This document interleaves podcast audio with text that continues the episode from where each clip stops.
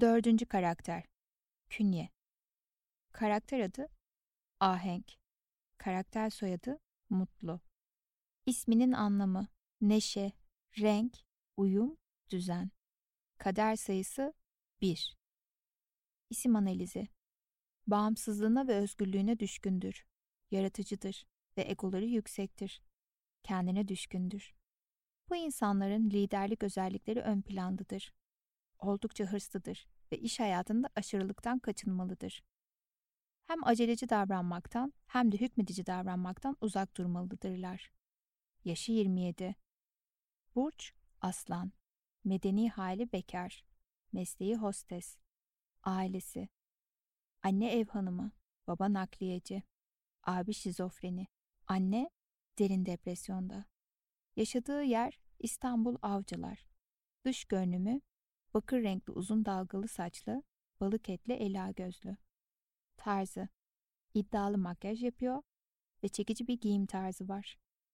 Çalışma konusu kendini ailesine ve mutsuzluğuna mahkum hissediyor. Yaşam amacı kendi hayatını ailesinden ayrıştırmak. İnanç sistemi askıda. Hikayesi kendini ailesinin gerçeğine inandıran kızın varlığını reddetmesi ve kendini delirtmesi. Çıkış yolu, bilinçaltı dönüşüm. Eğitimlerde hocanın anlattığı enteresan, yer yer ürkütücü ve asla başıma gelmez diye dinlediğim türden bir çalışmanın beni beklediğini nereden bilebilirdim ki? Dördüncü karakterimi okurken eski bir danışanım olduğunu düşünmeyin hiç. Bu işe kalben başlamamın üçüncü ayında kapımı çalmıştı. Aldığım tüm eğitimleri, yaşadığım tüm deneyimleri zihnime ve kendime uygulayarak kalbimi transfer ediyordum. Bu işi yapacağımı küçüklüğümden beri hissetmiştim ama nasıl yapacağımı bilemiyordum. Tüm kalbimle ve severek yapıyorum işimi. O yüzden öğrendiğim her bilgiyi sindirip kalbime ve zihnime eşit şekilde yerleştiriyorum.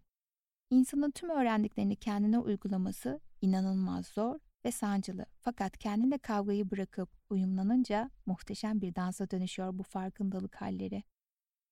Alacağım her bilginin kategorize edilmesini ve ayrışmasını isterdim ki bilmediğim yerden sorulmasın. Kim karşıma gelse hemen ona en uygun çalışma şeklini belirlemeyi isterdim. Fakat hiç de öyle olmuyor. Her birimiz o kadar özeliz ki genel hiçbir bilgi bu farkındalıkları karşılayamaz. Bazen keşke dertlerimiz ve ihtiyaçlarımız alışveriş yaparken olduğu kadar net ve basit olsaydı diye düşünüyorum. Kolay olan sanırım kişinin kaç beden olduğunu ve ne tür kıyafetler giymek istediğini belirlemek. Böylece ben de onu hemen verebilirdim. Ama işin aslı bu şekilde olmasını ummak tamamen saçmalık. Hayat böyle bir şey değil. İnsanlar asla tek düze ve tek tip değil. Mesela 12 burç var ama insanlar 12 çeşit değil. Onlar sadece bir kısmını tarif etmemizde yardımcı olabilir bize. Her şeyin toplamıdır bizi biz yapan. O yüzden üzgünüm dedim kendime. Bu işin kolayı yok ve sen kümeleri ayırarak ezbere kalıplarla bu işi yapamazsın. Kişiye özel çalışmalıydım. Aldığım her eğitimi harmanlayarak yoluma devam etmeliydim. Özel dikim elbise gibi kişiye özel yapmalıydım çalışmalarımı. Onun inanç sistemine, değer yargılarına göre düzenlemeliydim yol haritamı. Her danışanımda beni ayrı heyecan sarıyordu. Bilgi kütüphanemin hangi verilerine ihtiyacım olacaktı ve bunları olması gereken en doğru haliyle doğru zamanda kullanmalıydım. İhtiyaç duyduğumda bilgilerim Aquapark'taki en hızlı kayak gibi kayarak bana akmalıydı. Ne büyük gizem. Genelde tüm danışanlarım referans ile gelirler. Bu durum bana mutluluk veriyor. İnsanlar çalışma sonrası yaşadıkları güzel deneyimleri etrafları ile paylaşıyorlardı ve buna şahit olan değerli dostları bana geliyordu. Onlardan biri de Ahenk'ti. Ona bu şekilde sesleneceğim. Ahenk çok sevdiğim iki arkadaşımın ortak tanıdığıydı. Kendisiyle aynı ortamda birkaç defa bulunmuştu ama bizzat tanışmamıştık.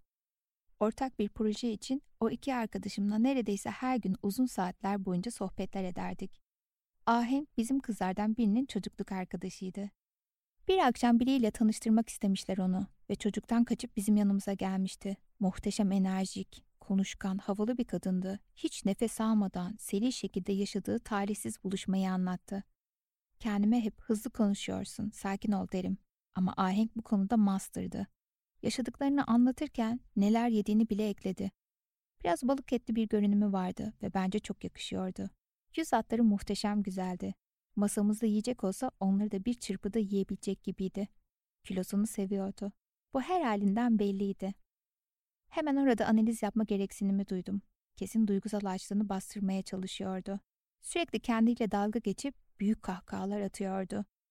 Biz üç kadın sustuk ve sadece Aheng'in ahenk dolu macerasını dinledik. Biz henüz biri anlattığına gülmeden başka birini peşine gönderiyordu. Hızlı tüketim bir espri bombardımanından sonra iyi ben kalkayım dedi ve gitti. Ne olduğunu anlayamadan olay bitmişti. Ahenk kasırgası dağıtıp gitmişti masayı. Daha sonrasında yine aynı şekilde bir masada kısa süreli ve bol esprili bir zamanda karşılaştık. Kendini inanılmaz eleştiriyordu demek istiyorum kibarlaştırarak. Çünkü kimsenin kendine bunu espri yoluyla da olsa yapmasını istemiyorum. Ahenk hakkındaki tüm bilgim işte bu kadardı. Onunla karşılaşmamızın üstünden bir yıldan fazla geçmişti ki ortak arkadaşımız beni arayıp onun adına randevu talep etti. Şaşırmıştım bana gelmek istemesine. Şimdi sıra onu biraz size tanıtmakta sanırım. Dördüncü karakterim 27 yaşında, güzel, alımlı, renkli ve gösterişli giyinen ve muhteşem makyaj yapan biri. Bu kadar mı yakışır birine makyaj yapmak? Ona bakarken acaba çok zamanla alıyor mu diye düşünmekten kendimi alıkoyamıyordum. Bakımlıydı ve bunu saklamak istemiyordu. Aslına bakarsınız tam bir aslan kadınıydı. Bakır renk saçları, buğday tenine çok yakışmıştı. Göz rengi elaydı. Sanki Pınar değişime hazırım der gibi bakıyordu masum masum. Özel bir firmada hosteslik yapıyordu ve çalışma saatleri biraz karmaşık olabiliyordu. Ailesiyle yaşıyordu ve sanırım onu en çok da bu bağ yoruyordu. Kendisiyle seans için program yaptığımızda en erken 21 gibi geleceğini söyledi. Evet işkolik biriyim ama o saatlerde kimseyle çalışmıyordum. Ortak arkadaşımız Aheng'in bu desteğe ihtiyacı olduğunu, son dönemlerde iyi gözükmediğini söylediği için ertelemek yerine kabul ettim o saatte çalışma yapmayı. Saat geldi çattı. Bana geldiğinde tanıyamadım onu. Tight ve tişört giyip gelmişti o havalı kız.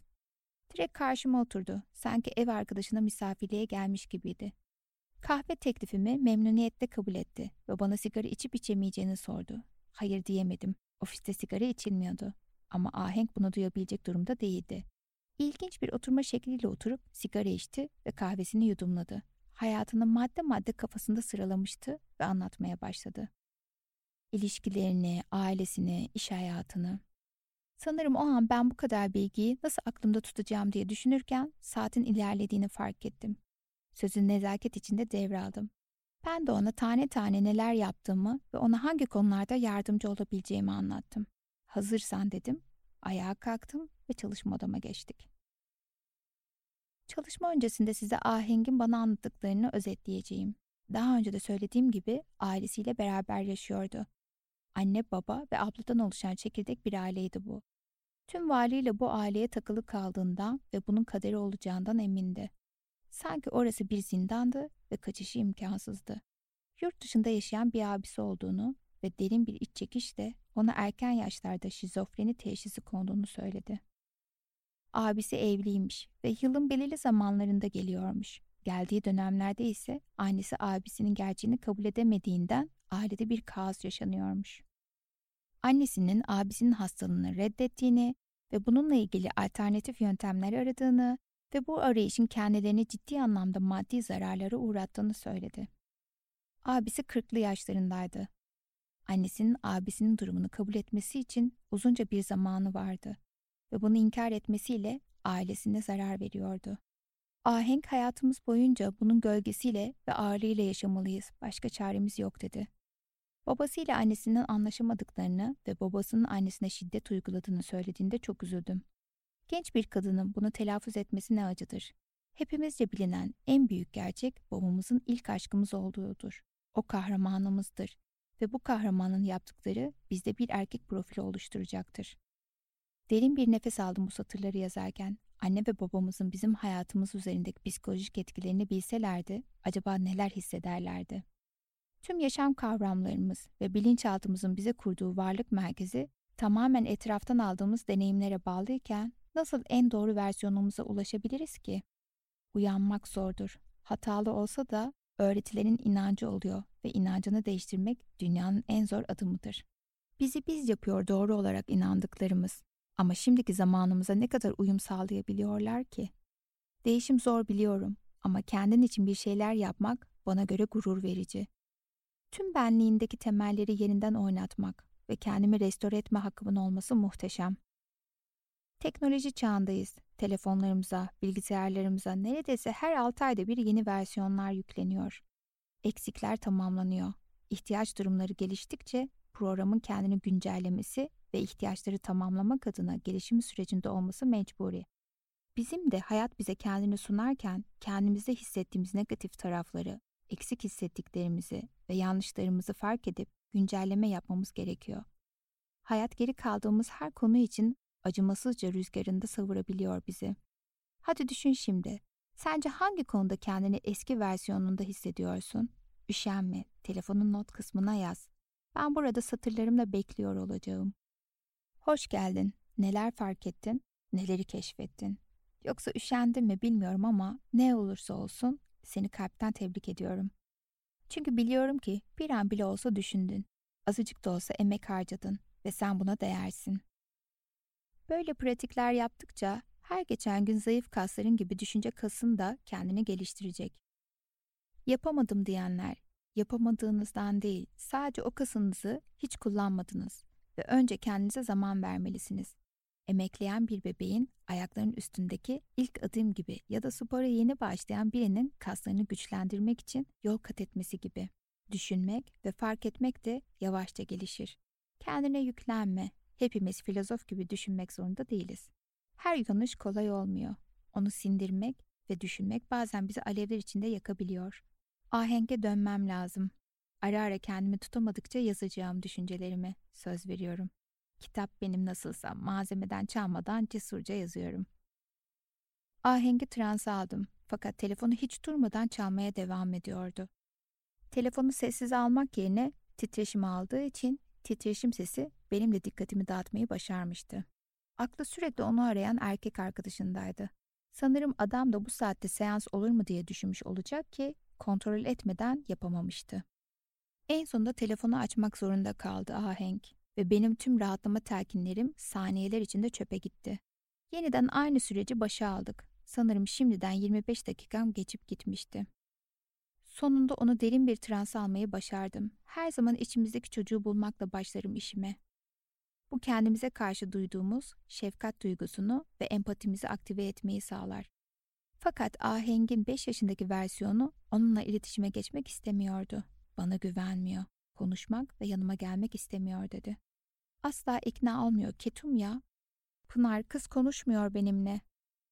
Pınar, bu kızın duygularını hisset ve bu duyguların oluştuğu ilk ana git. Ahenk. Bayram alışverişi için çarşıdayız. Annem istediğim şeyi bana almıyor. Pınar. Ne istiyorsun? Ve kimler var başka orada? Ahenk. Ablam da var. Annem ona çanta aldı. Ben de istedim ama bana almadı. Pınar. O çantayı çok mu beğenmiştin? Ahenk. Hayır anneme inat olsun diye istiyorum. Aslında o kadar da çok beğenmiyorum. Pınar. Peki ne hissediyorsun? Tek tek keşfedelim. Ahenk. Kıskançlık, öfke. Pınar. Kime karşı öfkelisin? Ahenk. Anneme öfkeliyim. Bana o çantayı almasını istiyorum. Bunun üzerine hissettiği duyguları bedensel ve zihinsel olarak dönüştürdük. Aynı anıya bir daha gidip neler hissettiğini kontrol etmesini istediğimde 5 yaşındaki halim bana gülümsemeye başladı dedi. Ahenk insanların yaşama şekillerini över ve kendi hayatını alaycı şekilde eleştirirdi. Bu tamamen içinde saklı kalan kıskançlık duygusunun yansımasıydı. Kendi istediklerine odaklanmayıp başkalarının sahip olduklarına odaklanıyordu ve bu onu yetersizlikle kıskançlık duygusuna itiyordu. Sahip olduklarının kıymeti yoktu onun için ve sürekli alışveriş yaparak açığı kapatmaya çalışıyordu. O kendini iyi hissediyordu ama aklıma başka anı geliyor. Evet biliyorum ben bu anıyı. Gördüklerim gerçek diye tekrarlıyordu. Genelde trans halinde olan kişiler gördüklerini kurmaca zannederler. Gerçek şu ki hepsi bizim gerçek anılarımızın o anki bilincimize yansımasıyla kayıt oluyor. Siz o anıyı bu halinizde hatırladığınızda önemsemezken o yaşınızın psikolojisiyle bayağı etkisinde kalabiliyorsunuz. Ona aklına gelen bir anıya gitmesini söyledim. Çocukken yaşamayı çok sevdiğim semtteyim. Sokakta oyun oynuyorum. Babam karşımda ve bir an içimi acayip bir korku sarıyor. Ya babam ölse diye aklımdan geçiriyorum. Baban ölürse neler olur? Babam ölürse fakirleşiriz. Yalnızlık ve çaresizlik hissettiğini de ekledi. Bu duygularını da dönüştürdük. Aynı anıya bir daha gittiğinde babasını gülümseyerek karşıladı. Artık o küçük kızın keyfi yerindeydi. Ahenk parasını orantılı harcamıyor ve savuruyordu. En büyük korkusu parasız kalmak ve hayal ettiği o güzel evde yaşayamamaktı. Ailesinden kopmaya korkuyordu. Kendi kendine yetemeyeceğini düşünüyordu. Bana aslında en büyük şikayetinin boyun ağrısı ve yorgunluk olduğunu söyledi. Ondan boyun ağrısının kaynağına, oluştuğu ilk ana gitmesini istedim. Yengemlerdeyiz, 8 yaşındayım. Kuzenim ve arkadaşı fotoğrafçıya gittiler ve bana sen evde kal gelme dediler. Kendini nasıl hissettin? İnanılmaz bir baskı var üstümde ve ezik hissediyorum. Umursanmıyorum, değersizim. İşin aslı aptal yerine konmuş gibi hissediyorum. Bu bilgi aslında insanların ona yaptıklarıyla neden alay ettiğinin ve büyük kahkahalar attığının göstergesiydi. Baş edemediği duyguları alay ederek atlatıyordu. Aslında atlatmıyor, arkaya atıyordu hepsini. Barajın dolmasına az kalmıştı. Henüz haberi yoktu. Duyguları dönüştürdükten sonra aynı anda da kendime karşı buruk ve hüzünlüyüm dedi. Bir anda 5 yaşındaki versiyonunun bankta otururken gördü ve yanına gitmesini istediğimde bana küsmüş dedi. Gerçekten de anıda bankta oturuyor, bir başınaydı ve ağlıyordu. Annesi onu herkesin ortasında sokakta dövmüştü. Bambaşka bir anıya doğru yolculuğumuz başlamıştı. Pınar. Neden? Ahenk. Marangoz abinin yanına gittim. O da yanlış anladı ve beni koruduğunu düşünerek dövdü. Pınar. Ne hissediyorsun? Ahenk. Rezil oldum. Ağlıyor. Kimse benimle arkadaşlık etmeyecek artık. Pınar. İnsanlar seninle konuşmazlar mı? Ahenk. İnsanların beni sevmesi için hep çabalıyorum. Bu yaşımda hala çabalıyorum. Ama çok zor, çok. Pınar. Neler hissediyorsun? Hadi yoğunlaş, bulalım. Ahenk. Aşağılanmış hissediyorum. Rezil oldum. Dışlanacağım. Anlıyor musun? Kendime üzülüyorum ve isyan ediyorum. Pınar. Tam olarak isyan ettiğin nedir? Yoğunlaş bu duyguya lütfen. Ahenk. Neden benim annem babam böyle? Allah bana neden verdi onları? Pınar. Var olan duygulardan arınmamız gerekiyor. Hadi dönüştürelim bu duyguları. Sana artık hizmet etmiyorlar. Duyguları boşalttıktan sonra kendine sarıldı sıkıca ve annem aslında babamdan korktuğu için bunu yapıyor. Eğer başıma bir şey gelirse babam da anneme şiddet uygular. Beni değil, kendini koruyor annem dedi. Küçükken yaşadıklarımız kaderimiz oluyor ve derin yaralar açıyor. Çocuktur deyip geçiyoruz ama ne olursa olsun bize çocukken oluyor. Tıpkı toprağa ekilen tohum gibiyiz. Toprak altında gelişiyoruz. Sonra dış dünya ile buluşuyoruz. Ardından yağan yağmur, esen rüzgar, güneşin gelişi bizi biz yapıyor. Gelişimimiz bunlara bağlı. Çocukları lütfen çocuktur deyip geçmeyin. Tüm formüller asıl büyüme evresinde gelişiyor. Anıya yeniden gittiğimizde bir anda Bartu'nun onu dayak yerken gördüğünü söyledi. Pınar, ne hissediyorsun peki Bartu sana baktığında? Ahenk, beni küçümsüyor, kınıyor, aşağılanmış hissediyorum. Pınar, erkeklerin gözünde nasıl gözüküyorsun sence? Ahenk, onlar kültürel seviyesi daha yüksek kızlara bakacaklar, bana değil. Pınar, şimdi erkeklerin sana bakış şekline odaklanmanı ve bununla ilgili seni gerçekten etkileyen bir anıya gitmeni istiyorum. Ahenk, Bartu bana ezik dedi. Bu duygunun kaynağını bulup dönüştürdükten sonra yeniden aynı anıya kontrol için gittiğimizde aslında Bartu'nun çok pasif bir çocuk olduğunu, zaten ilgisini çekmediğini söyledi. Erkekler ve ilişkilerle ilgili ciddi sorunlar yaşadığını bana söylemişti ve çalışmak istediğimiz konular içindeydi. Hazır erkeklere değinmişken devam etmek istedim. İlişkilerle alakalı deneyimlerine, erkeklerin ona gerçek anlamda değer vermediğini düşünüyor ve kendini hep aldatılmışlık hissine teslim ediyordu. Onların gözünde değersiz ve ezikti. Nasıl olurdu da bir erkek ona yeterince değer verebilirdi? Güzelliğiyle ilgili değildi. Onun kendisini eksik hissetmesi derinlerde başka bir sebep saklıydı. Gayet farkındaydı güzel ve çekici olduğunun. Ama onu korkutan başka bir taraf vardı ve onu bulmalıydık. Kaynağa ulaşmanın tam zamanıydı. Her şey yeni yeni şekillenmeye başlamışken ondan, hayatında onu en çok üzen ilişkiye gitmesini istedim. Bartu ile aslında açılmıştı kapı ama emin olmak adına bulmamız gerekiyor asıl kaynağını. Bambaşka bir anaya gitmişti. Lise yıllarında yaşadığı ilişkisiydi bu. Oğuz ile beraberim ama o en yakın arkadaşıma bir şeyler hissediyor. Biliyorum. Kalbim kırık ve üzgünüm buna. Engel olamıyorum.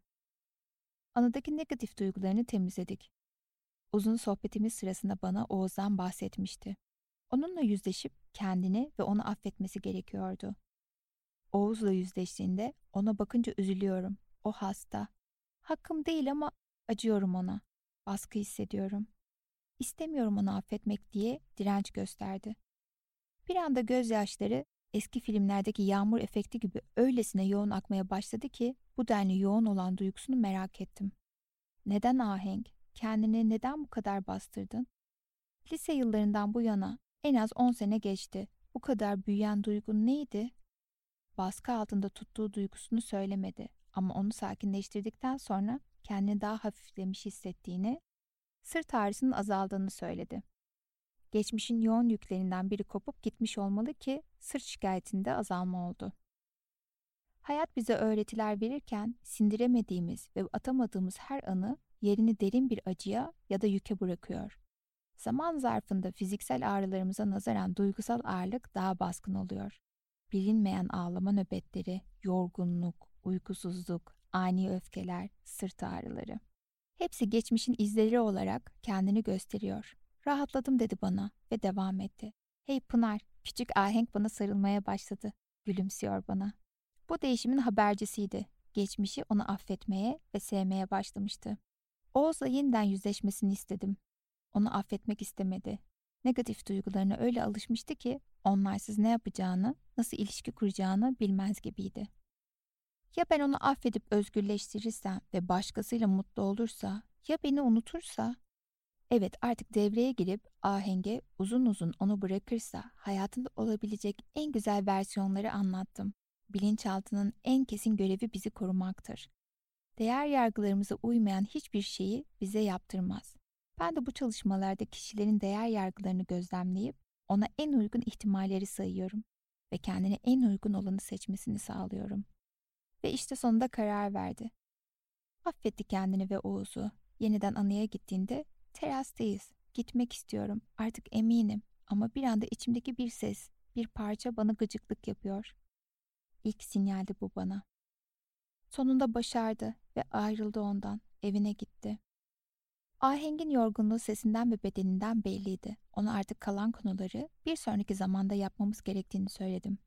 Eğer hissettiğim ipucu doğruysa ahenkle yolumuz uzun olacağı benziyordu. Karşımda saatlerce konuşma enerjisi olan kadın bir anda sakinleşmiş, hafiflemiş ve keyifli bir yorgunluğa teslim olmuştu. Öyle masum ve saf bir enerji sarmalamıştı ki onu bana ne oldu bile diyemedi. Seans sonrası danışanlarımın yüzlerinde gördüğüm o muhteşem parlama ve tebessüm ifadesi beni inanılmaz mutlu ediyor. Mucizenin kendimiz olduğunu her gün hatırlamama yardımcı oluyor. Ne güzel her şeyin çözümünü kendinde bulabilmek, yeni versiyonunu yaratabilecek gücünün olması. Tek engel kendini buna layık hissediyor musun? Ya da şifa zamanın geldi mi? İşte bu aldığım en önemli ders. Yardım istemeyene yardım etme Pınar. Bu hadsizlik. Bir de zamanı gelmemişse şifanın sen ne yaparsan yap olmuyor. Ama bu benimle değil, onun zamanı ile ilgili. Zamanı geldiğinde baraj kapıları açılıyor ve sonsuz değişim hayatına akıyor. Sanki hep öyleymiş gibi sindire sindire yaşıyorsun tüm o şifayı. Kimi zaman acımız arkadaşımız oluyor ve onsuz olmak bizi eksik hissettiriyor kendimizi. Ne yapabiliriz ki o olmadan? Her günü onunla kavuşmak için uyanıyor, onu düşünerek uyuyoruz. Sevgili gibi oluyor dertlerimiz. Ayrılmak ise onun varlığından daha büyük acıya sebep olabiliyor. Bu yazımla ilgili özel bir karakteri kaleme alacağım. O zaman ne dediğimi çok daha iyi anlayacak, hayatımızı nasıl etkilediğine şahit olacaksınız. Ahenk bana iki hafta sonra mesaj yazdı. Hayatımda aldığım en samimi ve mutluluk verici mesajdı. Ben sana ne zaman geliyorum? Kendimi çok normal hissediyorum. Çok şükür. Öyle iyi geldin ki çok sağ ol. Bir insan anormal olduğunu düşünerek kendini toplumdan nasıl izole edebilir tam bir örneğiydi ahenk. Kendine bunu yaparak ve ötekileştirerek sorumluluktan, yargılanmaktan kaçmak istemişti. Halbuki onun gördüğü gibi büyük bir kaos falan yoktu. Fakat gözleri ona oyun oynuyor, gerçekleri çok farklı görmesine sebep oluyordu. Mesajlaşmalarımız çok tatlı şekilde devam etti. En önemlisi de sırt ağrıları yok olmuştu. İlişkilerimi de çözersen kuş gibi olacağım çünkü mutlu olmayı hak ediyorum dedi. Evet artık mutlu olmayı hak ettiğini düşünmesi muhteşem bir dönüşümdü. İkinci seans günü geldi çattı. Akşamın ilerleyen saatleri ahenk, tüm ahengiyle içeriye arz endam etmişti. Bugün bizi neler bekliyordu acaba ve 15 günde neler yaşamıştı? Neler anlatacağını merak ediyordum. Hemen yerine kuruldu. Kahvesini sipariş etti. Artık ona uyum sağlamakta zorlanmıyordum. Eski ilişkisinin tamamen bitirdiğini, hatta yeni biriyle tanıştığını, ona çok kibar davrandığını ve ciddi bir ilişki arayan biri olduğunu söyledi. Bu gelişmeye sevinmiştim ama erken bir adımdı. Daha onun ilişki çalışmasına başlamamıştık ve hayatında nasıl bir erkek kavramını çektiğini bilmiyordum. Özetle güzel dönüşümlerin üzerinden geçtik. Arkadaşları değişimini fark etmişlerdi. Birçok arkadaşına çalışmamızı anlatmış zaten. O hafta telefonum Aheng'in arkadaşları tarafından oldukça çalmıştı. Bu sevindiriciydi. Çünkü arkadaşlarını sizin değişiminizden feyiz alıp kendileri de dönüşüme girerse yayılan şifa enerjisi çok daha derin ve kuvvetli oluyordu. Bu defa ilk işimiz ilişkilerdi. Yeni aşk kapıyı çaldıysa evi temizlemek ve düzenlemek gerekir. Onu derin transa aldıktan sonra ilişkilerinde onu en çok mutsuz eden anıya gitmesini istedim. Yeniden Oğuz'la olan bir anıya gitti.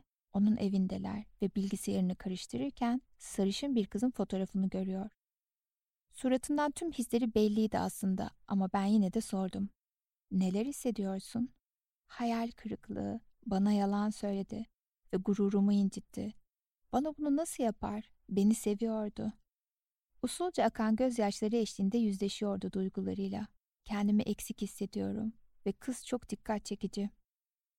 Bu gösterişin ve bakımın sebebi bu muydu gerçekten de? Ondan daha çekici ve dikkat çekici biri olmasın, yine aynı şeyleri yaşamasın diye mi acaba diye sorguladım kendimi. Oğuz beni üzmek için yaptı. Duygu dönüşümlerini yaptık ve affetti kendini ve bir anda kaşlarını çatarak çelişkideyim kendimle, değişim var biliyorum ama inanmak istemiyorum dedi. İkinci sinyal uyan Pınar. Aynı anıya bir daha gittik. Kontrol etmeliydim. Negatif duygu kaldım diye. Affetmek istiyorum, hayır istemiyorum diyerek gelgitler yaşamaya devam etti. Kendi içinde büyük bir savaş vardı. Huzur isteyen ve bunu kabul etmeyen iki parçası vardı. Yeni biten ilişkisinde de aldatıldığını söyledi. Yapamıyorum, affedemiyorum, bana zaman ver dedi. Sessizlikte onu bekledim birkaç dakika kadar. Yüz ifadesinden kendini ikna ettiği belliydi. Bana bir anda yok ben çok kinci biriyim dedi. Belli ki iç muhakemesinde bu karara varmıştı. Çok yoruldum, karıştım ama devam etmeliyim biliyorum. Yapmak zorundayım. Böyle kalmamalı bu duygularım. Yardım istiyordu. Artık sorumluluk alma zamanım gelmişti. Sürekli aklına Oğuz'un bilgisayarında gördüğü kız geliyordu. Ona NLP yöntemi uygulayarak o anıyı deforme ettim ve istese de hatırlayamayacağı hale getirdim. Rahatladığı ve hafiften şaşırdığı belliydi. Bu çalışmayı son ilişkisinde yaşadığı aldatılma anı içinde istedi. Kendini başka türlü ikna edemeyeceği belliydi. Görsel hafızadaki detayı silince hatırlayıp kendini haklı çıkararak kışkırtacağı bilgiye ulaşamamak onu rahatlatmıştı. Emin olması için tüm anılara tek tek gittik. O anlara ulaşamadı ve başroldeki erkek oyunculara karşı da hissiyatı kalmamıştı. Artık delili şekilde özgür hissediyordu kendini. Sanırım 68 saniye kadar sonra yine kendi içinde yaşayan büyük kuşkuları ve gelgitleri geri geldi. Kuşkusuz ki bu bana gelen üçüncü uyarıydı. Bu defa tesadüf ya da benim ince detaylara takılmamla alakalı değildi. Bilinçaltı bariz bir şekilde bana mesaj veriyordu. Bu durumu dikkate almam ve değinmem lazımdı. Neden iyi olduğunu fark edince inkar ediyordu? Pozitif dönüşümü net şekilde hissedince oluyordu bu reddediş.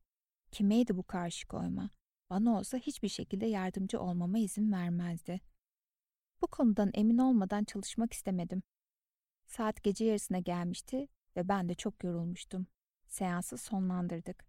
Kafamda yeniden oluşan yüzlerce olasılık ve soruyla gecemi geçirmem gerekecekti. Normalde seanslarım bir buçuk saat ile iki saat arası sürerdi. Bu tamamen benim obsesyonum ama faydası olduğu için hiç değiştirmek istemedim. Kişi trans halindeyken bir konuyu yarıda bırakamıyordum. Konuyu sonlandırmadan mümkün değil içim rahat etmiyordu. Gece yatarken seanslarla ilgili kuşku ya da olasılıkları düşünmeden uyuyacak şekilde bitirmeye özen gösteriyorum. Fakat iki defadır ahenkte bu pek mümkün olmuyor.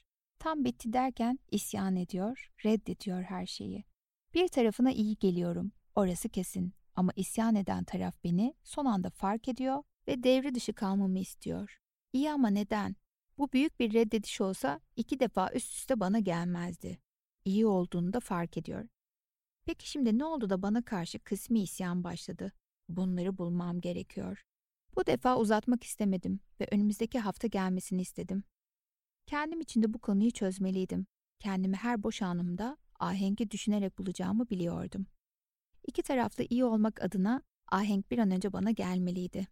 Derin bir nefes alıp notlarıma baktım. Bayağı konu çalışmışız. Aklıma gelen ve şu an sizinle paylaşamadığım ihtimal hiç olmayabilirdi. Belki de tutunuyordu sahip olduklarını kim bilir. Bu soruların cevapları için haftaya kadar beklemem gerekiyordu. Neyse ki siz birkaç satır sonra öğreneceksiniz sebebini. Bir hafta sandığımdan daha kolay geçmişti. Demek ki kendimi kontrol edebiliyormuşum. Doğru telkinle kendimi sakinleştirip haftamı kendimi eziyete çevirmekten kurtardım. İlginç tarafı haftamı kötü yapacak da bendim, iyi yapan da bendim. Kendi kendimin düşmanı ve kahramanı olmuştum. Kim bilir hayatımızda daha neler yapıyorduk kendimize farkında olmadan. Belki etrafımızda olan herkes bizim duygularımızın aynısıdır. Tüm yaşadıklarımız içimizde dönüşmesi gereken konuların yansıması ise eğer ve o insanların görevi benim uyanışımsa kime neden kızmalıydım ki? Yaşadıklarıma, gelmiş geçmiş tüm konulara ve kişilere teşekkürler ama yine de size kalpten saf bir sevgi beslemiyorum. Tüm şefkatimi, sevgimi ve en önemlisi de hoşgörümü kendime saklamayı seçiyorum. Affetmekle ilgili benim farklı bir bakış açım var. Herkesin doğrusu kendine anlamlı gelir. Bu da benimki. Merak edenleriniz olabilir. Biliyor musunuz bu kitabı yazarken başıma gelenlerden bile bir kitap çıkar. Belki ön sözde yazarım. Yine bir farkım olsun. Konuya dönelim. Ahengin günü gelmişti. Ondan önce sadece iki görüşmem vardı ve enerjim de bayağı yüksekti. Fakat bana en erken 21'de geleceğini söyledi. Normalde o saatlerde kalmam imkansızdı ama danışanımın iş saatlerinin karmaşıklığına karşı anlayışlı olmalıydım. Bekledim. Oldukça dinlenmiş de oldum. Hava kararınca kahvemi içip kitap okumaya karar verdim. Birazcık hızlı düşünme sorunum var. Aslında bu işimi çok kolaylaştırıyor ama kitap okurken her defasında kendime otohipnoz yapıp öyle okuyabiliyorum. Bir şeye uzun süre odaklanmak benim için zor. Kapı çaldı ve meşhur dördüncü karakterim kapıda belirdi. Hafif yorgunca yüzüme baktı. Bana mı öyle geliyordu yoksa sakinleşmiş mi gözüküyordu? Yorgunluk muydu sebebi yoksa çalışmalarımız işe mi yaramaya başlamıştı? Kahve dedim direkt. Evet lütfen dedi. İnanılmaz çünkü ses tonu da dingindi. Karşıma huzurlu, sakin bir kadın gelmişti. Biraz olsun keyiflendim. Beklediğime değmişti.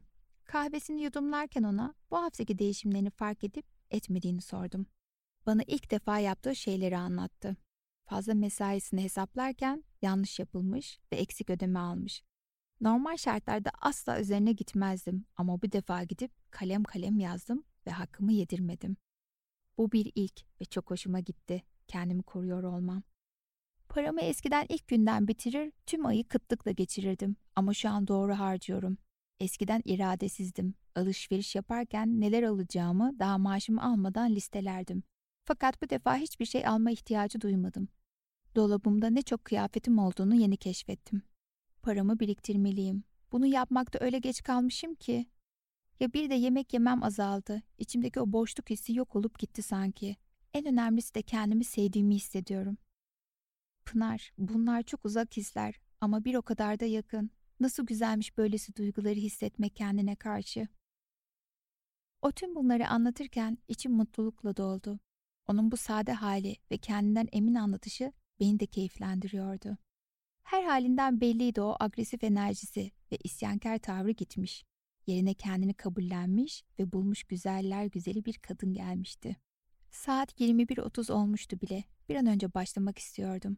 Çalışma odasına geçtik. En sevdiğim gri koltuğa oturduğu gibi hazırdı transa girmeye. Önce günün yorgunluğunu bırakması için telkinler verdikten sonra bilinçaltında oluşturduğu güvenli evi ziyarete gittik. Geçen seansta buluştuğu 6 yaşında olan küçük versiyonunu gördü. Nasıl olduğunu sorduğumda duygusal, kendini boşu boşuna üzdüğü için daha sağlam adımlar atmalıyım bundan sonra dedi. Küçük kız bile farkındalığa kavuşmuştu. Sanki hayatında en büyük sorun bu küçük kızın üzgün olmasıydı. Ona bu küçük kıza regresyon yapmamızı ister misin dedim. Evet çok güzel olur diye cevapladı. Küçük kıza neden mutsuz olduğunu sorduğumda bana özgüveni olmadığını söyledi. Bu cevabı kız çocuğu veremezdi. Bu ahengin kendisiydi. Aslında geçen haftalardan aldığım notlarda kendisini sabote eden, dönüşümü inkar eden bir ses olduğunu yazmıştım. Belki de tam sırasıydı. Kendinde sevmediği, onu negatif yönde etkileyen parçalarıyla yüzleşme zamanıydı. Regresyonu iptal ettim ve part çalışması yapmaya karar verdim. Bu çalışmayı genelde travmatik konular gittikten sonra kişiyi değişimi kabul etmiyorsa ya da negatif duygular üretmeye devam ediyorsa asıl kaynağı bulmak için kullanırız. Varoluş yolculuğumuzu yaparken olayların bizde farklı reaksiyonları olabilir. Her birinden pozitif dersler alamıyoruz. Ya da küçükken yaramazlık yaptığımızda bize anlatılan öcü hikayelerin büyüdüğümüzde benliğimizde nasıl bir etki yaratacağını bilmiyoruz. Kendimizi korumak için bilinçaltımızda koruma parçaları geliştirebilirler mesela. Bazen virüs görevi üstlenebilir. Yani o korkuları öyle çok salgılatır ki böylesi hataları yapmak aklımızdan bile geçmez. Temel amaç kendimizi korumak ama yöntemi acı verici olabiliyor bazen. Ahengi iyileşme yolunda engelleyen nedenleri bulmak için doğru zamandaydım. Ona gri duvarları olan bir odada kendini yuvarlak bir masayı ve istediği kadar sandalyeyi hayal etmesini söyledim. Biliyorum diğer kitaplarda mekanlar çok daha detaylı anlatılır ya da başka detaylar verilir. Ama benim gibi konuya odaklananlar sıkılmasın diye kısa kesiyorum.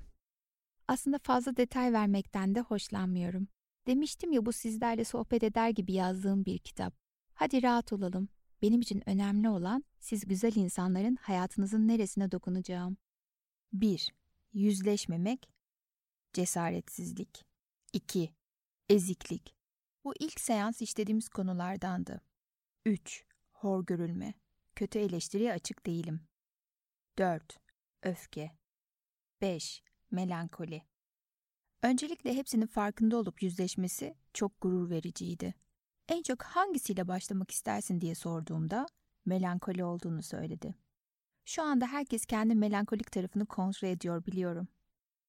Sizinki nasıl bilemem ama ben seans esnasında melankoli parçasını hayal ederken tatlı, fazlaca duygusal, üzgün bir karakter olarak düşünmüştüm ki ahenk yine beni şaşırtmayı başardı. Bu arada saat 22.13 civarındaydı. Aramızda geçen diyaloğu size direkt yazıyorum, yorum yapmadan. Pınar, melankoli parçamla iletişime geçmeni istiyorum. Hadi sor ona, senin hayatında görevi nedir? Ahenk, hoşuna gidiyormuş beni üzmek. Pınar, hayatında yüzde kaç oranında aktifmiş? Ahenk, İnanamıyorum, gülerek söylüyor bir de, yüzde seksen. Üstelik çok çirkin Pınar bu kadın. Sanki yıllardır yıkanmamış. Akıl hastanesinde hücreye atılmış gibi gözüküyor. Hayır, bu Halka filmindeki Samara karakteri resmen. Ona bakmak istemiyorum. Pınar, onunla konuşmaya devam etmeni istiyorum. Neden sana bu hisleri yüklüyor? Ahenk, delirmemi istiyormuş. Pınar bu benim iç sesim. Sürekli benimle konuşan ses bu. Tanıdım onu. Pınar. Ne zamandan beri seninle berabermiş? Ahenk. 13 yaşımda ortaya çıkmış. O zaman fark etmişim kim olduğumu. En mutsuz olduğum parçam bu. Ve benim genetiğimin bu olduğuna inanmamı istiyor. Abin gibi olacaksın. Neden kaçıyorsun gerçeğinden diyor. Pınar. Böyle olmanı neden istiyormuş? Ahenk. Yengem yüzünden. Bize büyü yaptı. Ondan bulaştı bu olay bize. Onun nefsi çok kötü. Pınar.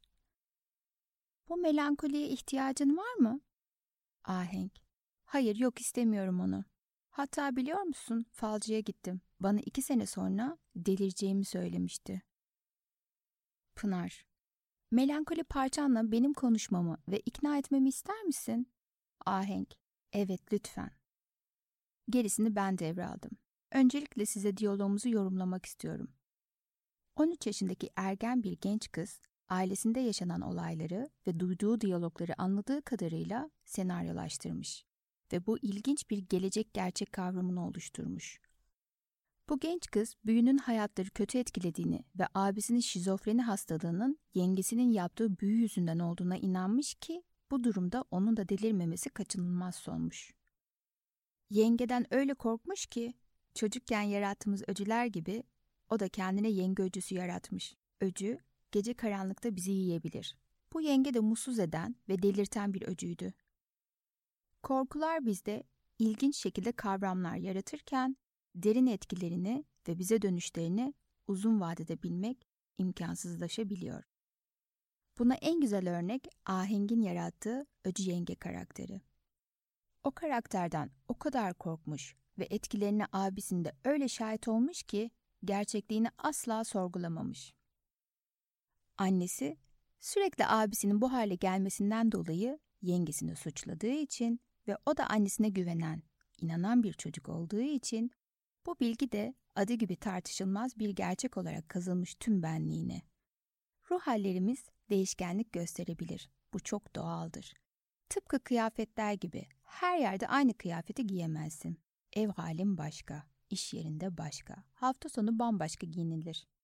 Duygularımız da bulunduğumuz ortama göre şekillenir. Ahenk, gelecek versiyonundan korkuyordu. Ailesiyle yaşadığı evin içinde mutlak geleceğine maruz kalıyordu. Her geçen gün bu gerçeğiyle yüzleşerek yaşamaya çalışıyordu. Düşünün ki size biri hasta olacağınız tarihi söylese ve bu asla iyileşemeyeceğiniz bir hastalık olsa, hayata ne kadar tutunabilirdiniz? Bunun ne kadar adaletli olduğunu düşünebilirdiniz ki? Aslında iyi biri olmak için bile çabalamazdık. Ne de olsa hastalanmamız an meselesiydi. Böyle düşününce ne büyük haksızlık etmiş kendine diye düşünmeden yapamıyorum. Peki ya Falcı Hanım'a ne demeli? Şartlamış dördüncü karakteri ve tüm korkularını onaylamış aslında. Kimi zaman duymak istediklerimizi duyarız ve ona inanıp hayat yolumuzu o şekilde devam ettiririz. Kısmi özgür irademizi şartlı özgür iradeye çevirir, gelecekten aldığımızı düşündüğümüz haberler ve hayat yolumuzu körü körüne inandığımız bir senaryo için zorlarız. Neye inanırsan ne olursun deyişi tam da bu konuya uygun. Aslında fal ya da gelecekle ilgili haber veren herhangi bir yöntem varsa bizim o anki bakış açımıza göre yorumlanır ve değişkenlik gösterir. Siz kafanızı sağa dönük ilerlerseniz olası senaryo gerçek olur. Fakat başınızı sola çevirince yaşam döngünüz de değişir. Lütfen gelecekten alınan bilgilerin sadece birer ihtimal olduğunu ve her zaman değişkenlik gösterebileceğini aklımızdan çıkartmayalım. Ahenk de bu kötü kabustan hiç uyanmayabilirdi. Ama uyanmıştı. Şimdi size melankoli parçasıyla neler konuştuğumu anlatayım hazırsanız. Tabii keşke bazı yerlerde size ses efektlerini dinletebilsem. O zaman beni daha iyi anlardınız. Ama elbette öyle bir şeyi asla yapmam. Pınar, merhaba, sana nasıl seslenmemi istersin? Bir anda beden dili değişti ahengin. Ağzı hafiften sağa kaydı ve alaycı bir ifade takındı. Ahenk. Uzatma, direkt konuş. Sesi inanılmaz kalınlaşmıştı. O tatlı tatlı konuşan kadından eser yoktu. Bir an korkmalı mıyım diye kendimi sorguladım. Cidden Ahenk de abisi gibi şizofren olabilir miydi? Bu alt kişiliği ise ve bana zarar verirse diye birkaç senaryo düşünürken hemen ses tonumu onunkinden daha sert yaparak konuşmaya karar verdim. Pınar, Aheng'in hayatında neden varsın? Amacın nedir? Ahenk, muhteşem aşağılayıcı bir sesle, az kaldı az, onu delirtmeme. Sen kendini ne sanıyorsun ki? Ona yardım edemezsin. Bunları söyledikten sonra hemen ahenk devreye girdi. Pınar, başında bant var ve başı eğik şu anda. Ben de onu istemiyorum. Bırak artık ben konuşayım onunla. İzin ver. Onayladım. Zaten başka çözüm yolu yoktu. Saate baktım. 23.45'ti. Ayağa kalktım. Hareket etmem gerekiyordu. İlk defa böyle bir şeyle karşılaşıyordum. Tüm ihtimalleri hesaplamıştım. Kendimi nasıl korumam gerekir, neler yapmalıyım gibi bir sürü konu aklımdan geçiyordu. Dört dakika geçmişti ve hala bekliyordum. Derin sessizlik beni de germişti. Filmlerdeki gerilim sahneleri gibi ben de kurban mı olmuştum?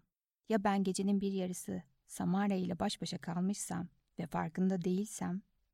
Şimdi gelse muhteşem soğukkanlı olurdum ama o zaman deneyimim sadece üç aylıktı. Bunları düşünürken Bunları düşünürken bir anda olaya el koymam gerektiğini fark ettim. Pınar. Neler konuşuyorsunuz? Bana da söyler misin? Ahenk. Çok heyecanlıyım. Lütfen biraz daha zaman ver. Elbette bekleyecektim. Ama inanın sanki zaman durmuş akmıyordu. Kendimi ilk defa şu an ne yapıyorsun diye sorgularken buldum. Belki bunları yazmamam gerek. Ama kalben açık bir kitap bu. Neden yazmaktan çekineceğim ki? Pınar. Evet, hadi bakalım. Ahenk. Yeni biri geldi. Bana benziyor. Yardıma gelmiş. Tanrı onu bana iyi olmam için gönderdi. Pınar bunlar gerçek mi? Ben mi uyduruyorum? Emin değilim. Kuşku yine devreye girdi. Kendi de uydursa, gerçek de olsa ne fark eder ki? Önemli olan kendini sabote eden duygularını dönüştürme şansının doğduğu. Belki izlediği filmdeki o Samara karakterini kendiyle özleştirdiği için bilinçaltı ona böyle bir vizyon oluşturdu. Olayları daha iyi anlaması için belki de böyle bir senaryo onu daha iyi etkileyecekti. Ahenk. Nereden biliyorum ki ben bu kadar bilgiyi? Annemle yengemin yüzleri geliyor aklıma. Durmuyorlar. Annem bana çok zarar veriyor. Bunu bana neden yapıyor? Fark ettim de annem benim basiretimi bağlıyor. Sürekli hocalara gidip muskalar yazdırıyor ailemizi korumak adına. Bedeli hepimize ağır oluyor. Maddi açıdan zaten zarar verirken bir de manevi olarak bu baskının altında yaşamak yıpratıcı. O muska bana iyi gelmiyor, hayatımı mahvediyor. Ahengin olayları anlayacağı şekilde yorumuydu aslında bilinçaltının yansıması. O küçüklüğünden bugüne hep büyüler ve onların delirtmelerine dair yüzlerce senaryo dinlemiş ve kendi hayat senaryosunu oluşturmuştu. Gri odadaki kurgusu ergen bir kız çocuğunun olayları yorumlamasıydı. Onun düşmanı ise annesiydi. Annesinin korumak için yaptırdığı muskaları tıpkı yengesinin abisini delirtmek niyetiyle yaptıklarının benzeri olarak yorumluyordu. Aynısını annesi ona yapıyordu. Çünkü abisiyle aynı kaderi yaşayacağına öyle inanmıştı ki tüm olayları bu kurgu üzerine kurup kendi kötü kabusunu yaratıyordu. İşte tam da burada bu söz yerine oturuyor. Neye inanırsan onu yaşarsın. Ahenk bu kötü hipnoz ile büyümüş ve inanmıştı mutlak geleceğine ve senarist olarak da kendini seçmişti. Ahenk annemi, yengemi, muska yapan adamı hepsini bu odadan çıkartmak istiyorum. Bana zarar vermelerine izin veremem artık. Çok yoruldum tüm bu yaşananlardan. Kendini ve onları affederek tüm etkilerini iptal etti ve çıkarttı onları gri odadan. Pınar. Şimdi kaç sandalye dolu? Ahenk. Öfke bana bakıyor. Aşağı çekmek istiyor beni. Hayata negatif bakmamı istiyor. Başkasının aklına uyarsan hayatım böyle olur diyor. Halbuki başkası dediği de kendisiydi. Duygularının ifade şeklini annesi, yengesi, abisi olarak yorumlamıştı. Haksız da sayılmazdı. İç dünyasında birçok korku vardı ve onun vizyonlamaları ise en yakınları olan ailesiydi. Öfke duygusundan da ayrıştı. Uzun uzun nasıl yaptığımızı anlatmak istemiyorum. Pınar. Sıradaki hangi duygun? Ahenk, ezikliğim, derinden gelen sesiyle artık hakimiyetin kendinde olduğuna inanmıştı. Artık ona hizmet etmeyen duygularının etkilerinden özgürleşip bunun tadına varmıştı. Artık tek yapması gereken yüzleşmekti. Ahenk Eziklik hissini Beni çaresizliğe sürüklüyorsun. Herkesi bizden üstün görüyorsun. Salaksın, değerini bilmiyorsun dedim. Artık dürüstçe kendini eleştirip, artık dürüstçe kendini eleştirip, aslında kendine verdiği tahribatın çok farkında bir kadına dönüşüyordu. Yaratılışımız öyle mucize ki sadece yüzleşip konuşarak bile kendini şifalandırabilmek ve benim buna şahitlik etmem, beni her defasında varoluşumuza hayran bırakıyor. Aslında neler mümkün daha iyi olmak için dedim kendi kendime. Pınar. Geriye kalan duyguların nerede? Ahenk. Hepsi yok oldular. Pınar benim özgüvenim yokmuş onu anlıyorum. Bu konuşmayı yaparken rahatladığı belliydi. Tüm bunlar ve yaşadıkları onu öyle eksik hissettiriyordu ki kendini hiç değer olarak görmemişti ve zaten toplum tarafından dışlanacağı için hep bunu hazırlamıştı kendini. Gelişmeyen en önemli şey özgüveniydi. Pınar. Tamam hadi özgüvenine çalışalım. Ahenk. Dur. Çaresizliğim geri geldi. Yok olmuyor. Gitmiyor. İnat ediyor. Pınar. Peki hadi egonla tanışalım. Yok benim egom. Şaşkındım. İlla ki hepimizin büyürken geliştirdiği ve ego dediği bir oluşum vardır. Neden kendi yok saymıştı? Mümkün müydü olmaması? Mutlaka vardır, arkada kalmıştır. Yüzleşmeye de cesareti olmayabilir. Yeniden denedik ve karşısındaydı. Ahenk, erkek bu. Kahverengi şapka takmış. Alt bedeni yok. Sinir oldum. Masaya parmaklarını sırasıyla vuruyor. Pınar, başka peki nasıl tarif edebilirsin onu? Ahenk, bıyıkları var. Sen konuş onunla. Pınar, peki. Basit bir soruyla başlamak en kolay olacaktı. Neden görünür değilsin? Ahenk, neden olayım ki? Ona şeffaf gözüküyorum çünkü hayatında net değil ve onu yalnız bırakarak kendine gelmesini sağlıyorum. Pınar, kaç yaşındasın? Sesin olgun geliyor. Ahenk, 40 yaşındayım. Bazen kadın oluyorum, bazen erkeğim. Uzunca bir sohbet devam etti ve Ego'nun aslında hayatımızda neler yapması gerektiğini tarif ettim. Bizi destekleyen, sahip olduğumuz yetenekleri, öz varlığımızı doğru kullanmamıza yardımcı olması gerektiğini. İhtiyaç zamanlarında koruyucu ve pozitif şekilde yaklaşınca ekip arkadaşı olduğunu ve böylece her yapılanın daha da anlam kazanacağını dakikalarca anlattım. İkna olduktan sonra Ahenk Ego'nun görüntüsünü değiştirme şansı olup olmadığını sordu. Elbette ki değiştirebilirsin. O yarım adamı da hayal eden sensin sonuçta. Ahenk, bana müsaade eder misin dedi. Daha önce hiçbir çalışmamda danışanlarım benden zaman istemezdi. Saat gece yarısını geçmişti. Bitmeyen bir gündü bu. 21 Aralık gibi en uzun gecemi yaşıyordum. Beklerken yüzünü inceliyordum. Kendiyle pazarlık yaptığı ve bir şeyleri denediği belliydi. Film gibi izledim onu. Yedi dakikadır ayakta dikilmiş, onu izliyordum. Oturduğum yerden yüzünü net göremiyordum. Tüm ışıkları kapatmıştık. Işık dikkatini dağıtıyormuş. Loş ışıkta oturuyorduk. Romantik değildi. Daha çok uyku öncesi gece lambası efekti vardı. Küçükken karanlıktan çok korkardım. İyi ki bu korkuma çalışmışım. Yoksa bu karanlıkta gecenin bir yarısı hayatta kalamazdım. Ahenk sonunda bitti dedi. Sarışın çok güzel bir kadın yaptım onu. Sonra içine sinmediğini söyleyerek biraz daha zaman istedi. Yarın bırakamazdım bu çalışmayı. Mecbur bekledim üç dakika. Kızıl yaptığını söyledi. Sana ne kadar benziyor dediğimde ise sanki bir uyanış yaşadı ve ben kendim olmak istiyorum dedi. Egosunu tamamen kendisine çevirmeye karar verdi. Bu kendisiyle barıştığını gösteriyordu. Sorduğum sorunun amacı da buydu. Beni anlamış gibiydi. Egosunu ben yönlendirmeden kendine çevirmişti. Benim düşünce yapım bu. Hayatı kendimle geçiriyorum ve aynada baktığım o yüz benim yüzüm. Kendimle barışmalıyım ki aynaya baktığımda kendime gülümseyeyim. Ahenk artık egosuyla barıştı. Özgüven anlaşması yapıldı. İkimiz de yorulmuştuk. Artık çalışmayı bitirmenin tam zamanıydı. Odadan çıktığımızda büyük bir savaştan galip çıkmışız gibi haklı bir yorgunluk sarmıştı bizi. O daha enerjikti benden. Hafiflemiş hissediyorum kendimi. Kusura bakma bu saate kadar seni yordum dedi. Telefonuma baktım. Aramaların sayısını görünce evet bayağı zaman olmuş içeri gireli dedim. Yapması gerekenlerin üstünden geçtik. İlk defa bir danışanımla beraber ofisin kapısını kapatıp çıktık.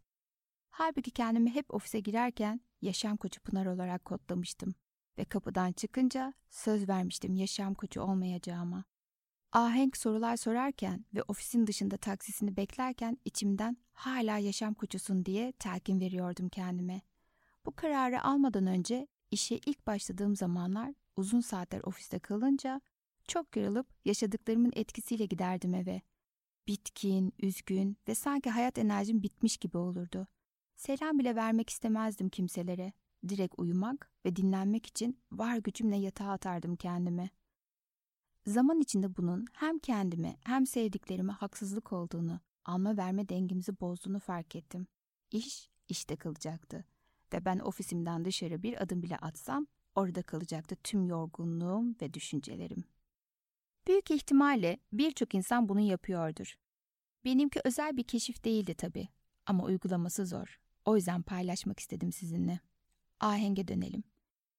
Ne tesadüftür ki o akşam sevdiği bir arkadaşından mesaj geldi ve erkek kardeşiyle onu tanıştırmak istediğini söyledi. İnanılmaz mutluydu Ahenk. Değişim başladı dedi sevinçle. Ertesi gün çalıştığı yere gelen güzel çiçekleri ve notun fotoğrafını çekip bana yolladı. Heyecanını paylaşıyor ve yaşadıklarının gerçekliğini benimle teyit etmeye çalışıyordu. Bana sorarsanız çok erken gelmişti bu ilişki başlangıcı teklifi. Daha kendisiyle ilgili oturtması gerekenler varken, yeni versiyonuyla tam anlamıyla tanışmamışken ve aslında yeni ahenk nasıl bir erkeği hayatında istiyor bilmiyorken. Ona bunları asla söylemedim tabii. Yalnızca onun heyecanını paylaştım. Benim durmam gereken yer onun karşısı değil, yanıydı. Kimimiz ilk değişimin göstergesini aşk hayatımızda görmek isteriz. Kimimiz ise önce normal düzenimizin değişmesini, sonrasında huzurlu bir kafayla yeni ilişkinin hayatımıza dahil olmasını. Dördüncü karakterimin önceliği ilişkiyle gelişmekti ve ben de saygı duydum. Yaşanılanları minicik anlatmam gerekirse, evlilik üzerine kurulu bir tanışma olmuş. İlk buluşmadan hemen sonra adamın ailesinin evine yemeğe gitmiş ve annesi ona değerli bir mücevher hediye etmiş. Ahenk sevinçten inanamıyordu yaşadıklarına ve hemen ardından kuşku hayatına dahil oldu. Neden her şey bu kadar hızlı ve güzel gidiyordu ki? Mutlaka negatif bir şey vardı. Sadece henüz ortaya çıkmamıştı. Demeye kalmadan olanlar oldu ve bir hafta sonra ahenk merakını gidermiş oldu. Evlenmek isteyen adam bir anda hevessiz ve çok bedbaht bir halde onunla bir konuşma yaptı. Ahenk, kuşkulu bir halde bir şey olmasını beklerken aradığının karşısına böylesine çabuk çıkacağını tahmin etmiyordu. Adam, gerçek anlamda evlenemeyeceğini, dini nikah dışında nikah yapamayacağını söyledi. Sevgi dolu ailesi aslında bu çocuğun evlenmesini hem istiyor hem istemiyormuş. O yüzden çocuğun evleneceği kızı kendileri bulmaya kalkmışlar. Ahenk nedenini sorduğunda ise cevap alamamış. Aheng'in aklında birkaç ihtimal vardı. Benimle paylaştı. Fakat kitaba yansıtmamam konusunda sözleştik. Ahenk rahatlamıştı aslında. Çünkü yaşadığı mükemmel değildi ve bu ona iyi gelmişti. Gerçek olamayacak kadar güzel gidiyordu her şey. Aslında sorunu için üzülmesi gerekirken sevinmişti. Beni arayıp seans yapmak istediğini söyledi. Online çalışma yapmayı teklif ettim. Çünkü çok uzun bir çalışma yapmıştık ve onu yeniden transa almak istemiyordum. Aklındaki sorunlar ön beyniyle ilgiliydi. Konuşmaya ihtiyacı vardı. Yaşadığı şeyin kusurlu olmasından memnundu. Bir an önce evlenmek isteyen biri vardı karşısında. Kendini bu karışık ilişkiye ve duruma ikna etmişti. Ona neden böyle bir şeyi kabul ettiğini, gelecek ihtimallerini ve hayatını nasıl etkileyeceğini düşünüp düşünmediğini sordum. Onu nelerin bekleyeceğini hiç düşünmemiş, sadece bu duruma çaresizce teslim olmuş, kendini ikna ediyordu. Konuştukça fark etmeye başladı. Ailesine ne diyecekti? Yalancı nikah memuru mu çağıracaksınız? Her şey yala düzenine mi kurulu olacak dedim. Bu tarafları hiç düşünmediği belliydi. Sonra fark ettim ki aslında o adamı bulunduğu çaresiz durumdan kurtarmaya çalışıyordu. Kendini iyileştirmişti. Ama şimdi bir başkasını iyi etmek için kendine zarar verebilecek bir karar almak üzereydi. Buna sessiz kalmam imkansızdı. Ona uzun uzun sorular sorarak gelecek versiyonlarını canlandırmasını sağladım ve olası zorlukları anlattım. Kurtardığı kendisi olmalıydı, başka biri değil. Ortada büyük bir aşk olsa ya da yıllar süren anlaşmazlıklar veya hasret, elbette bu derece ilişkin içine dahil olmak istemem. Ama sadece iki haftalık bir süreçte elleri bile birbirine değmemişken nasıl böyle cesurca bir karar alacak kadar hipnotize olmuştu? Yine kendini kötü bir hipnoza teslim etmişti. Kötü kabusundan yeni uyanmıştı ve yeniden bir kabus daha yaşamak üzereydi. Hayat stili olmuştu adeta. Ona acele etmemesi gerektiğini ve en azından biraz daha birbirlerini tanımaları için fırsat vermesini rica ettim. İşte şimdi bir insan hayır diyemezse ve karşı tarafı kırmaktan çekinirse farkında olmadan kendi hayatını nasıl ilginç bir duruma sürükler size anlatmak isterim. Ahenk beni birkaç gün sonra aradı. Seansta olduğum için hemen açamadım. Onu aradığımda inanılmaz telaşlı bir sesle Pınar, annem herkesten borç almış. 10 bin lira kadar ve bir hocaya gidecekmiş. Abimin üstündeki büyüyü bozmak için. Nasıl engel olacağım? Annemin yaptıklarını psikolog bir arkadaşıma anlattım. Annemin bipolar olabileceğini, bu yüzden gelgitler yaşadığını ve tedavi görmesi gerektiğini söyledi. Haftaya Ahmet'in ailesi bizimkilerle tanışmaya gelecek ve annemin yaptığına bak. Ben yaşadığımız evi onların geleceği güne kadar yenilerken ve dekorasyonunu değiştirirken onun bana yaptığına bak. Çok utanıyorum dedi. Tamam dedim sakince konuşalım. Bu durumun çocuğun ailesinin gelmesiyle ne ilgisi var? Annen zaten hep bu konuyu açıyordu. Bu ilk değildi ki. Evet ama sen telefonu açmayınca Ahmet'i arayıp olduğu gibi öylece anlattım. Nasıl yani? Bu heyecanla ve öfkeyle anneni mi anlattın? Evet dedi. Sanki asıl istediği buymuş gibi. Olgun erkeğimizin cevabı ise Ahenk sen nasıl böyle bir şeyi benden saklarsın? Bizim çocuğumuz olursa annene nasıl teslim ederiz? Ya ileride annenin durumu daha da kötü olursa? Benim düşünmem lazım. Şimdi hadi baştan analiz edelim. Ahmet özel durumundan dolayı resmi nikah yapamıyor ve bunu meşrulaştırıyor. Fakat bizim kızın annesinin kesin teşhis konmamış bipolar olma ihtimali yüzünden hayal kırıklığı yaşayıp kızımızı terk ediyor. Ahenk bana bunları anlatırken terk edildiğinin henüz farkında değildi. Ona neden böyle bir şeyi ona anlattığını sorduğumda durdu ve sustu. Sanırım evimize geldiklerinde bizimkileri beğenmemelerinden korktum. Aslında sen kendi kendine bu ilişkiyi sonlandırmak istedin öyle mi? Derin sessizlik ve hafif müzik sesle evet galiba ya dedi. Yani ben bizimkilere nasıl anlatacağım nikah olayını? Hayır evde de bir sürü dekorasyon yaptıracağım. Bilmiyorum bu eve bu kadar emek vermek istemiyorum. Ailemin evi bana iyi gelmiyor. Benim kendi hayatım ve yaşam alanım olmalı. Ama sanki hapsolmuşum ve asla bu evden çıkamayacakmışım gibi hissediyorum. İmkanı vardı aslında ayrı eve çıkmak ve kendini idame ettirmek için. Fakat eski versiyonu öyle inanmıştı ki evden ayrılamayacağına ve kendine yetemeyeceğine, bunun için deli gibi alışveriş yapıp kendini borçlandırıp bunu iyice imkansız hale getirme çabası vardı. Konuya dönmem gerekirse çocuk o günden sonra kızımızı aramamış. Bizim kızımız da çocuğu. Bu işe aracı olan abla da asla ahengi aramamış. Sanki hiç bu olaylar olmamış gibi alakasız konular hakkında bir iki defa konuşmuşlar. Günler geçtikten sonra ahenk konuyu arafta bırakmayı seçti. Bu konuyu sonlandırması gerektiğini söyledim. Bizim heyecanlı dördüncü karakterimiz çocuğa mesaj yazdı. Konuşalım diye ve mesajın cevabı genç adam yerine ablasından geldi. Ahengi çok sevdiklerini fakat böyle bir şeyi saklamasının doğru olmadığını, yaşananların Ahmet'i çok üzüp güvenini sarstığını söylüyordu.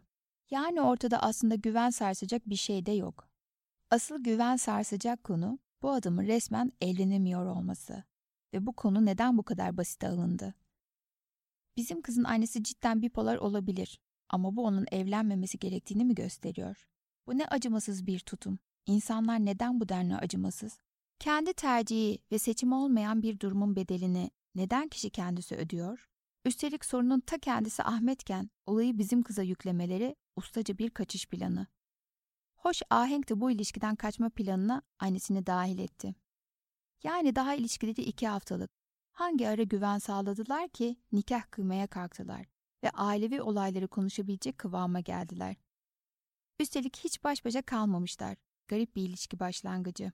İşin aslı ahenk en başta nedendir bilinmez kabul ettiği evliliği sonrasında öyle istemedi ki nasıl kaçabilirim diye düşünürken bir anda annesinin yıllardır yaptığı şeyi ilk defa yapmış gibi bir kaos ortamı oluşturup varsayımsal olarak annesini hasta etti ve ilişkiyi bitirmek için vurucu darbeyi yaptı. Onu üzüldün mü diye sorduğumda hayır rahatladım aslında dedi. Zaten bu cevapla tüm cevaplarımı almış oldum. Sonraki haftaya randevu aldı ve ilişki için çalışmak istediğini söyledi. Yaraları tam sarılmamışken öz varlığını, öz değerini, özgüvenini geliştirmemişken bu karmaşık ilişki pozitif sonuçlansaydı asıl o zaman mucize olurdu. Bazen sadece durup hayır diyebilmek gerekir. Karnınız o an acıkmış olduğu için alerjiniz olan ya da çok sağlıksız bir şey size sunulunca yemek zorunda değilsiniz. Gelen yemek ziyan olmasın diye kendinizi ziyan etmeyin. Aheng'in aşk çalışması için geldiği gün üzgün girdi kapıdan. Nedenini sorduğumda Ahmet'in hiçbir adım atmamasını sebep gösterdi. Kadın doğası. Reddetsek bile değerli hissetmek için illa çabalayan biri olsun istiyoruz. O zaman onaylayabiliyoruz. Kimin hayatında ne kadar yer edindiğimizi. Ona tüm kapıları kapatanı kendisi olduğunu anlattım. Neden şimdi bu üzüntü? Bu çalışma daha çok kavramlar içindi. İlişki nedir? Erkek nedir? Sevgili nedir? Kadın nedir? Ve en önemlisi ayrılık nedir? Bu kavramları o kadar karmaşık ve negatifti ki tek tek onun istediği şekilde yeniden yapılandırdık. Bilinçaltı tüm değişimlerden sonra olasılıklar dahilinde gelecek versiyonu yaratır ve dilerseniz trans halinde onu görebilirsiniz. 5 yıl sonra vizyonlamasına bakarak kavramların teyidini aldık ve çok şükür ki hepsi çok güzel dönüşüm sağlamıştı. Yazarken ne kolay. Şimdi fark ettim ama asla böyle yazıldığı kadar kolay değil gerçeğinle yüzleşmek ve onun kaynağını bulmak. Kavramların hayatını nasıl etkilediğini keşfedince kader döngüsünü sorgularken buluyorsun kendini ve sonrasında umut sarıyor tüm benliğini. İlk defa hayatında kendi tercihinle kavramlar oluşturuyorsun. Tertemiz bir sayfada yeni bir ahenk emekleyecek, konuşmaya başlayacak, büyüyecek ve olgunlaşacaktı.